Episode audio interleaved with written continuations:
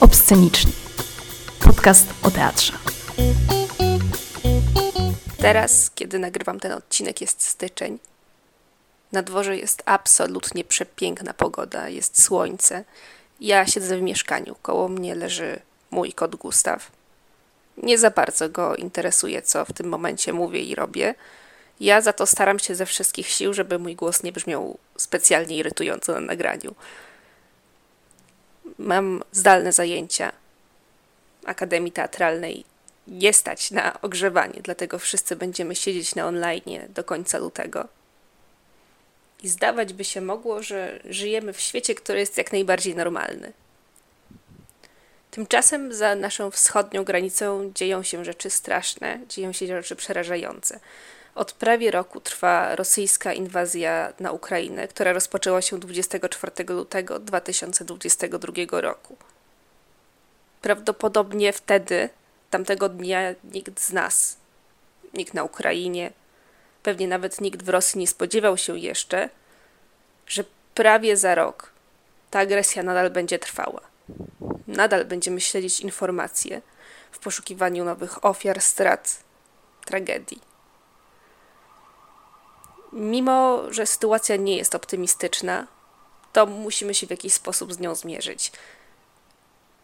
Zdaję sobie sprawę, że wszyscy wolelibyśmy, żeby cała inwazja i wojna była jednym wielkim, zbiorowym koszmarem, w którym z niewiadomych przyczyn musimy wziąć udział, żeby nie było wszystkich ofiar, zniszczeń, żeby każdy mógł się czuć bezpiecznie w swoim domu i otoczeniu, żeby nikt nie musiał tracić rodzin, przyjaciół, znajomych. Jednakże życie postawiło nas w zupełnie innych realiach i w tych samych realiach postawiło także teatr. I my jesteśmy tutaj, żeby o tym teatrze porozmawiać. Teatrze zarówno ukraińskim, jak i polskim. I o tym, jak radzi sobie z sytuacją wojny i jak pomaga, jak przerabia ten temat. Od razu powiem, że temat wojna teatru jest ogromnie obszerny. Można by nagrać nawet tysiąc odcinków i żaden z nich nie byłby pełen. Zawsze pojawiają się rzeczy nowe, o których warto wspomnieć, które trzeba powiedzieć, bo o tym temacie trzeba mówić. Jest to po prostu temat bardzo ważny. Ten odcinek będzie w takim razie pewnego rodzaju skrótem, wyodrębnieniem najważniejszych myśli, problemów, pytań, postaci czy wydarzeń – i mam nadzieję, że w jakiś sposób ustrukturyzuję wszystko, co się stało i pokażę go od tej strony teatralnej.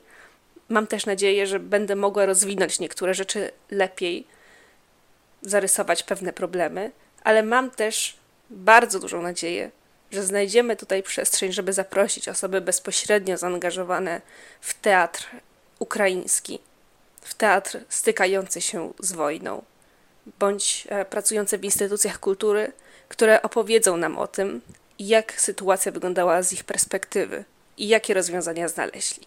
Nie przedłużając już więcej tego wstępu, przejdę do ostatniego wydarzenia, wydarzenia bardzo ważnego, które na całym tle wojennym wydaje się punktem bardzo optymistycznym i punktem, który może dawać nam jakąś nadzieję.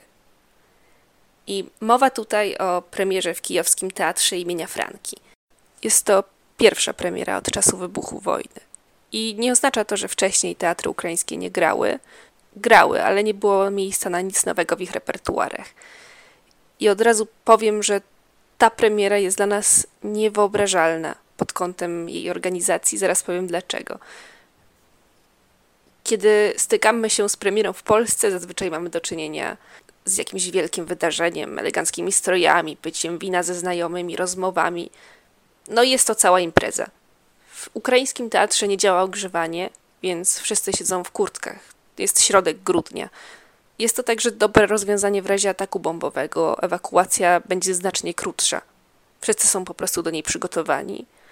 Do tego plan ewakuacji zostaje widzom przedstawiony przed samym spektaklem.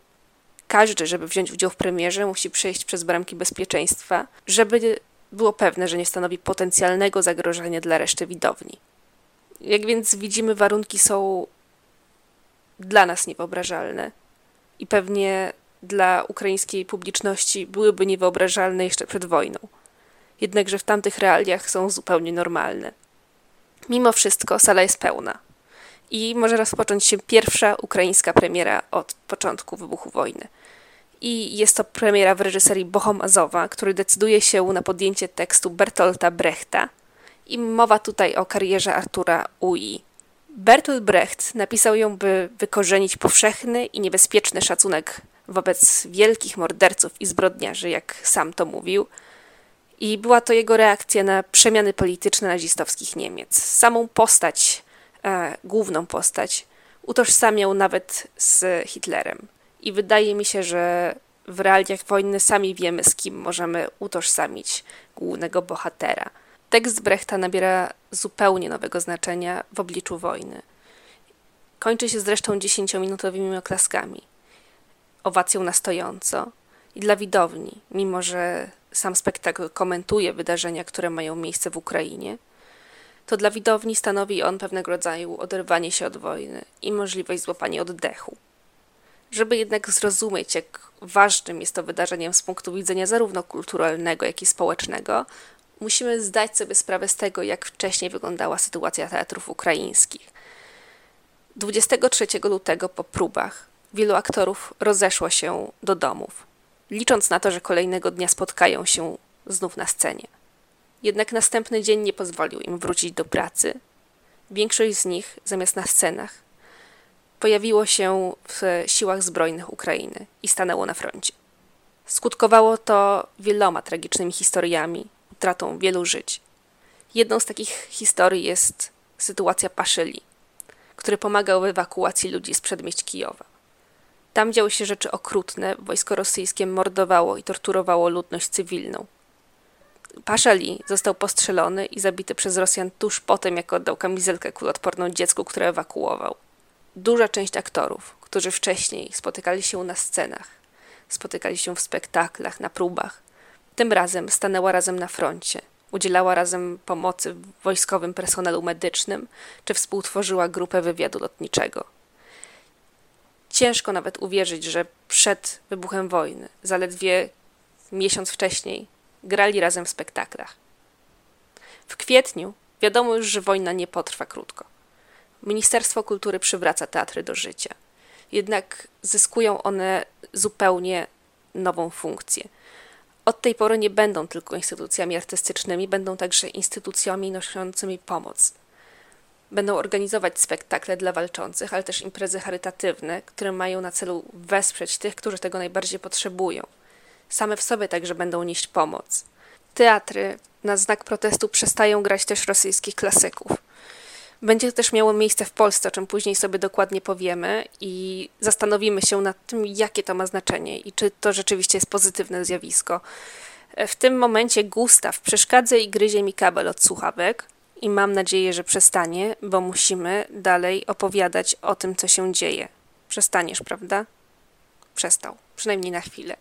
W każdym razie w bardziej pochłoniętych konfliktem terenach teatry służą jako schrony. I tutaj najbardziej znanym case'em będzie teatr dramatyczny w Mariupolu, który był jednocześnie największym schronem w tamtym regionie. Teatr ten został zbombardowany, mimo tego, że przed budynkiem znajdował się ogromny napis dzieci. Miało to dać znak Rosjanom: halo, nie bombardujcie tego miejsca, ale jak pokazała nam historia, to w żaden sposób nie przeszkodziło im w zbombardowaniu teatru. Monika Strzępka, która też zasługuje na osobny odcinek, która jest obecnie i mam nadzieję, że jak najdłużej dyrektorką Teatru Dramatycznego w Warszawie, w swoim oświadczeniu na Dzień Teatru zamieści taki tekst. Umieśćmy przed każdym teatrem w Polsce i na świecie napis dzieci.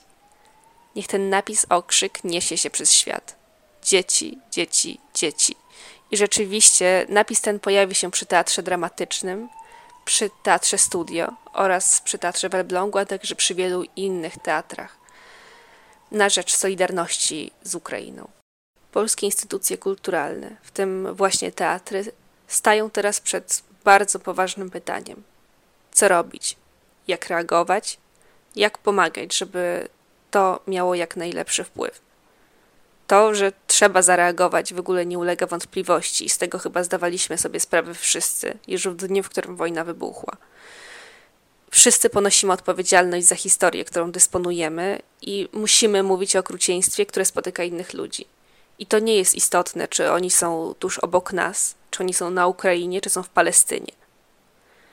Musimy mówić o tym, co ich spotyka, musimy dzielić się tą historią, musimy o nich pamiętać, bo to jest tyle i tylko tyle, i aż tyle możemy dla nich zrobić.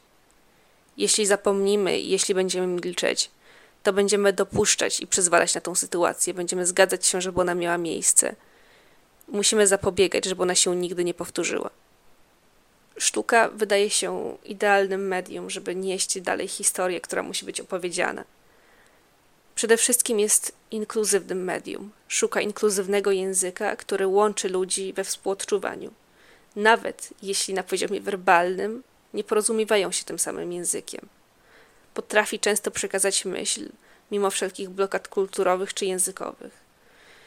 Potrafimy zrozumieć to samo dzieło, nawet jeśli ja mówię po polsku, ktoś po ukraińsku, a jeszcze inna osoba powiedzmy po angielsku czy turecku. Sztuka pozwala przełamać te wszystkie bariery, przekazuje czystą myśl, mimo tego, że każdy z nas wyraziłoby ją zupełnie innymi słowami. Magiczna moc teatru polega właśnie na tym, że często nie potrzeba słów, żeby na nas dobrze wpłynęła. Oddziałuje poprzez ruch, muzykę, poprzez przekazywanie emocji i zasadza w nas pewne myśli, które my później możemy interpretować. W przeciwieństwie do literatury, no oczywiście dopóki literatura nie zostanie przetłumaczona, e, ale w przeciwieństwie do literatury, sztuka teatralna potrafi być zupełnie uniwersalna i wydaje się wręcz idealnym medium, żeby nieść w świat taką historię.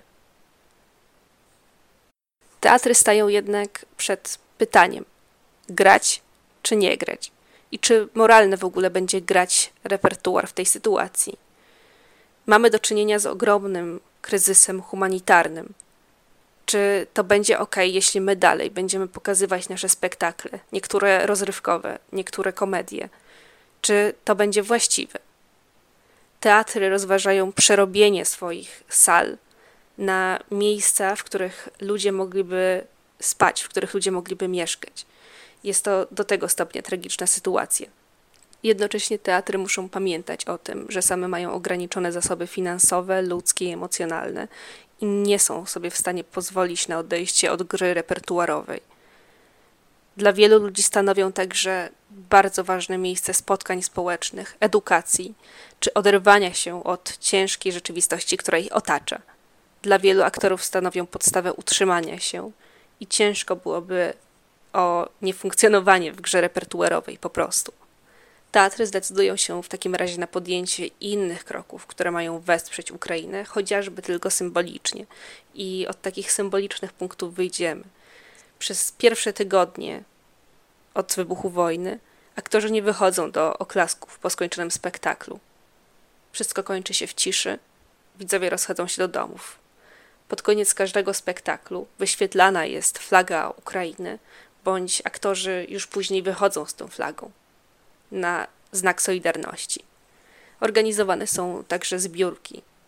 Zbiórki żywnościowe, zbiórki rzeczy, zbiórki pieniędzy, leków dla ludzi, którzy wciąż przebywają na Ukrainie. Ważną rzeczą jest także danie bezpośredniego pola ludziom, którzy z tej Ukrainy uciekają. Teatry i inne instytucje kulturowe zatrudniają ukraińskich artystów, dają im pole do opowiedzenia własnej historii, miejsce do podzielenia się tym, co jest dla nich najważniejsze i zrobienia to przede wszystkim z ich własnej perspektywy, która jest bardzo cenna.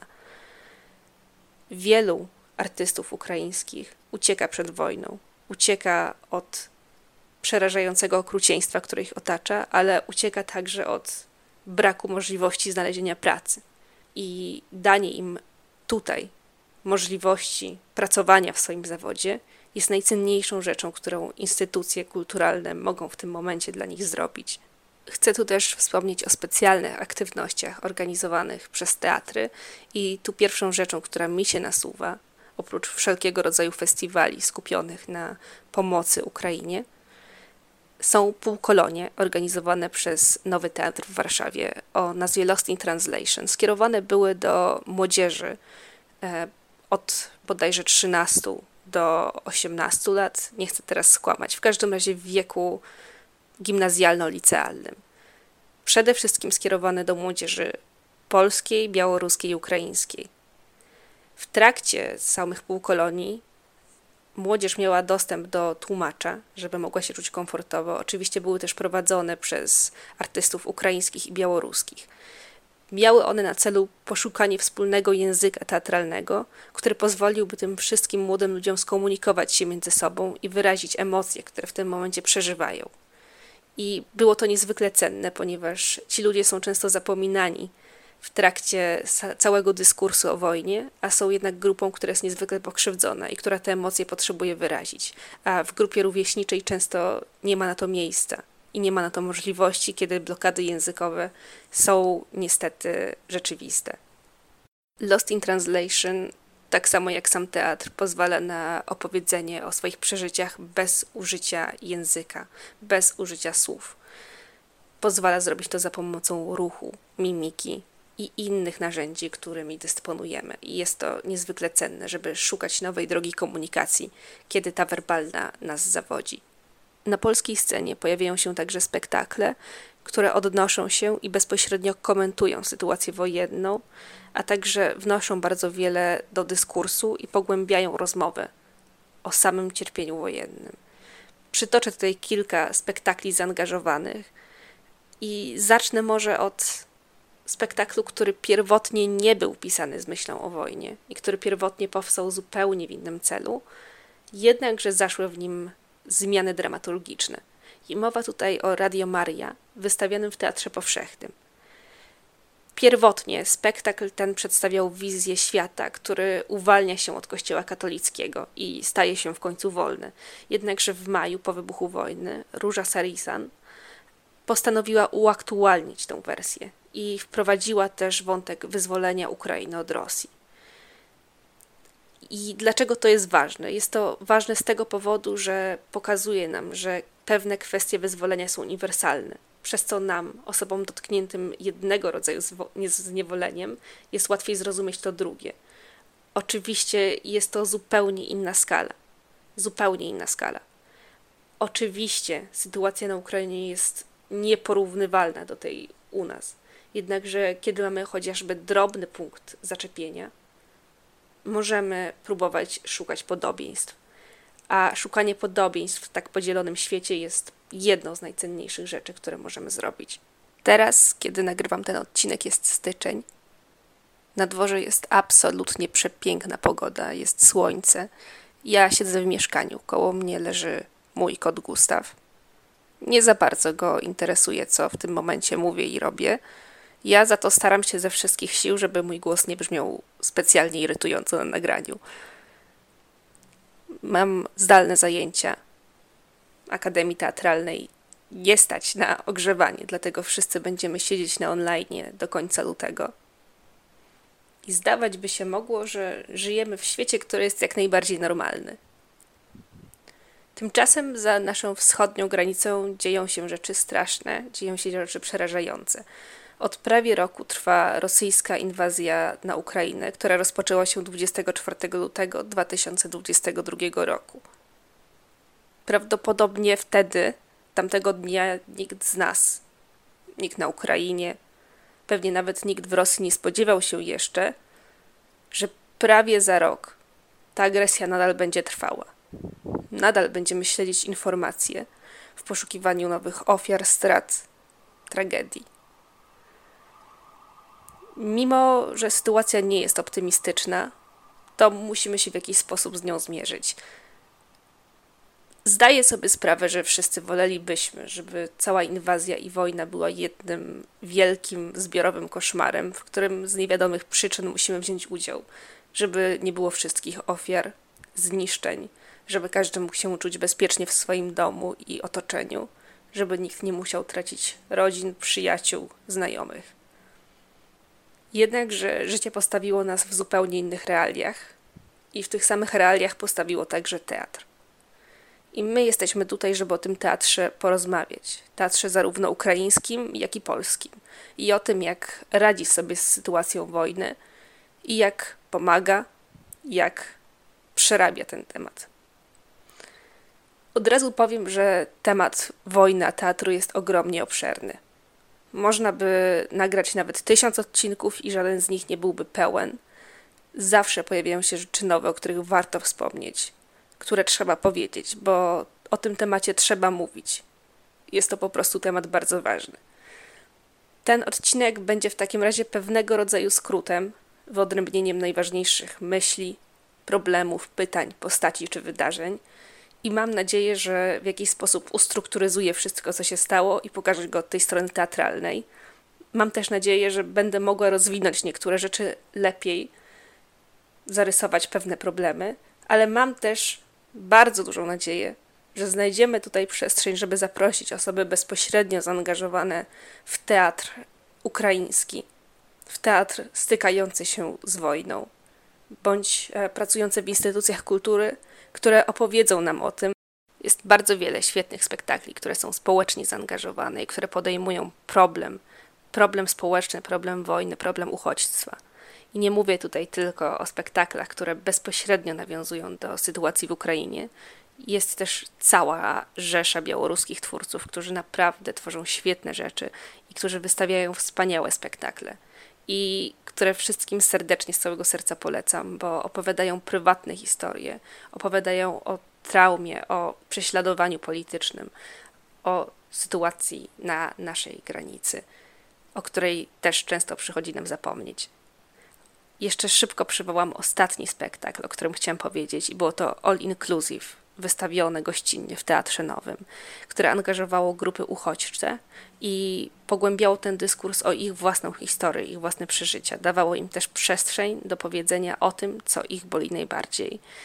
I chociaż ten spektakl nie odnosił się bezpośrednio do traumy wojennej, pokazywał bardziej, jak strony niezaangażowane korzystają z tej historii jak używają ją na własną korzyść.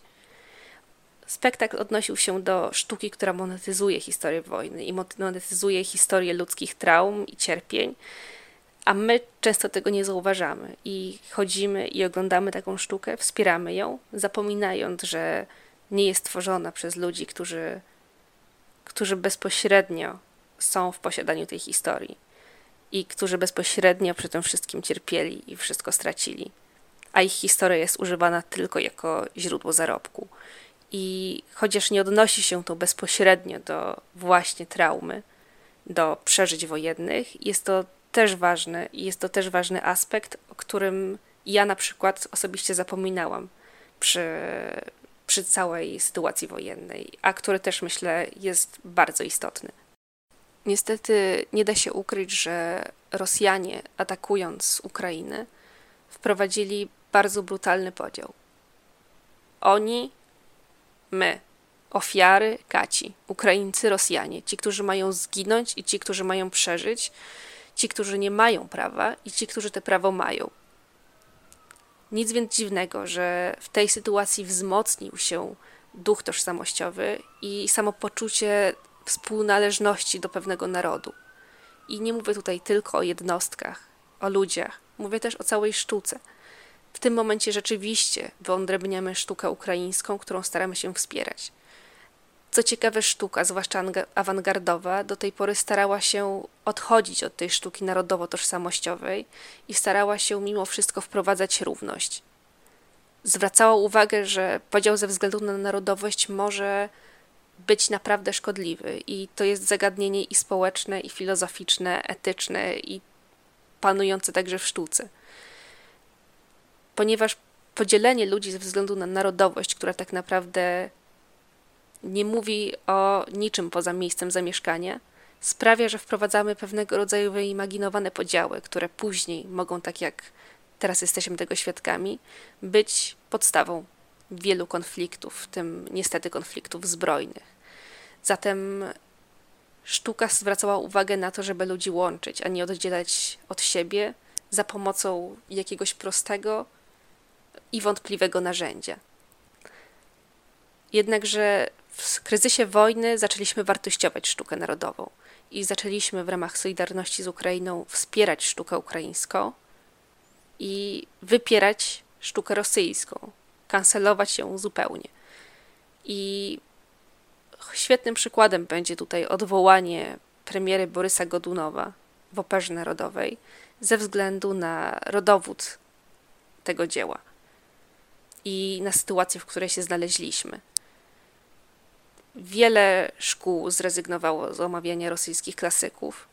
Wiele uczelni także nie podjęło się tematów poświęconych rosyjskim twórcom. Kolejnym zagadnieniem z tego gatunku będą napisy w teatrach. Napisy w teatrach były wyświetlane w języku ukraińskim i białoruskim na rzecz jedności i wsparcia dla tych narodowości. Faktem jest, że gdyby napisy były w języku rosyjskim, byłyby bardziej uniwersalne i uchodźcy zarówno z Ukrainy, Białorusi, jak i innych terytoriów, które są podległe Rosji bądź bezpośrednio z Rosji, byłoby w stanie zrozumieć te sztuki. Jednakże ze względu na sytuację polityczną nigdy nie zdecydowano się wprowadzić napisów w języku rosyjskim, ponieważ mogłoby to zranić uczucia wielu, wielu uchodźców. I jest to oczywiście zrozumiałe, i na tym poziomie emocjonalnym zupełnie to do mnie przemawia. Jednakże nie da się ukryć, że jest to pewnego rodzaju kolejny podział, który wprowadzamy, i jest to w pewien sposób wykluczenie grup, które zupełnie nie są winne zaistniałej sytuacji. Przyznam, że dla mnie sztuka narodowo-tożsamościowa jest ogromnym problemem i pojawia się w mojej głowie bardzo dużo pytań, na które nie mam odpowiedzi. Czy to dobrze, że kładziemy taki nacisk na narodowość w sztuce? Czy to sprawia, że ta sztuka jest zrozumiała naprawdę dla każdego? Czy na przykład tylko dla wybranej narodowościowo grupy? Chyba pytaniem, które prześladuje mnie najbardziej, jest to, czy to jest istotne, że sztuka opowiada historię konkretnie o Ukrainie, zamiast ogółem historię o wojnie i cierpieniu ludzkim. Co jest tutaj ważniejsze? Narodowość czy ogólna historia, którą wszyscy rozumieją? Ale czy też w ogóle możliwe jest oderwanie sztuki od tożsamości narodowej? Jest bardzo wiele pytań, na które prawdopodobnie nigdy nie znajdziemy odpowiedzi i które nie są czarno-białe i które ciężko na które po prostu strasznie ciężko odpowiedzieć. I ja Was z tymi pytaniami zostawię, bo sama na nie nie mam odpowiedzi i pewnie zajmie mi jeszcze wiele lat, żeby odpowiedzi na te pytania znaleźć, a prawdopodobnie nigdy nie będę ich zupełnie pewna. Zatem zostawiam Was z tym i do zobaczenia w kolejnym odcinku.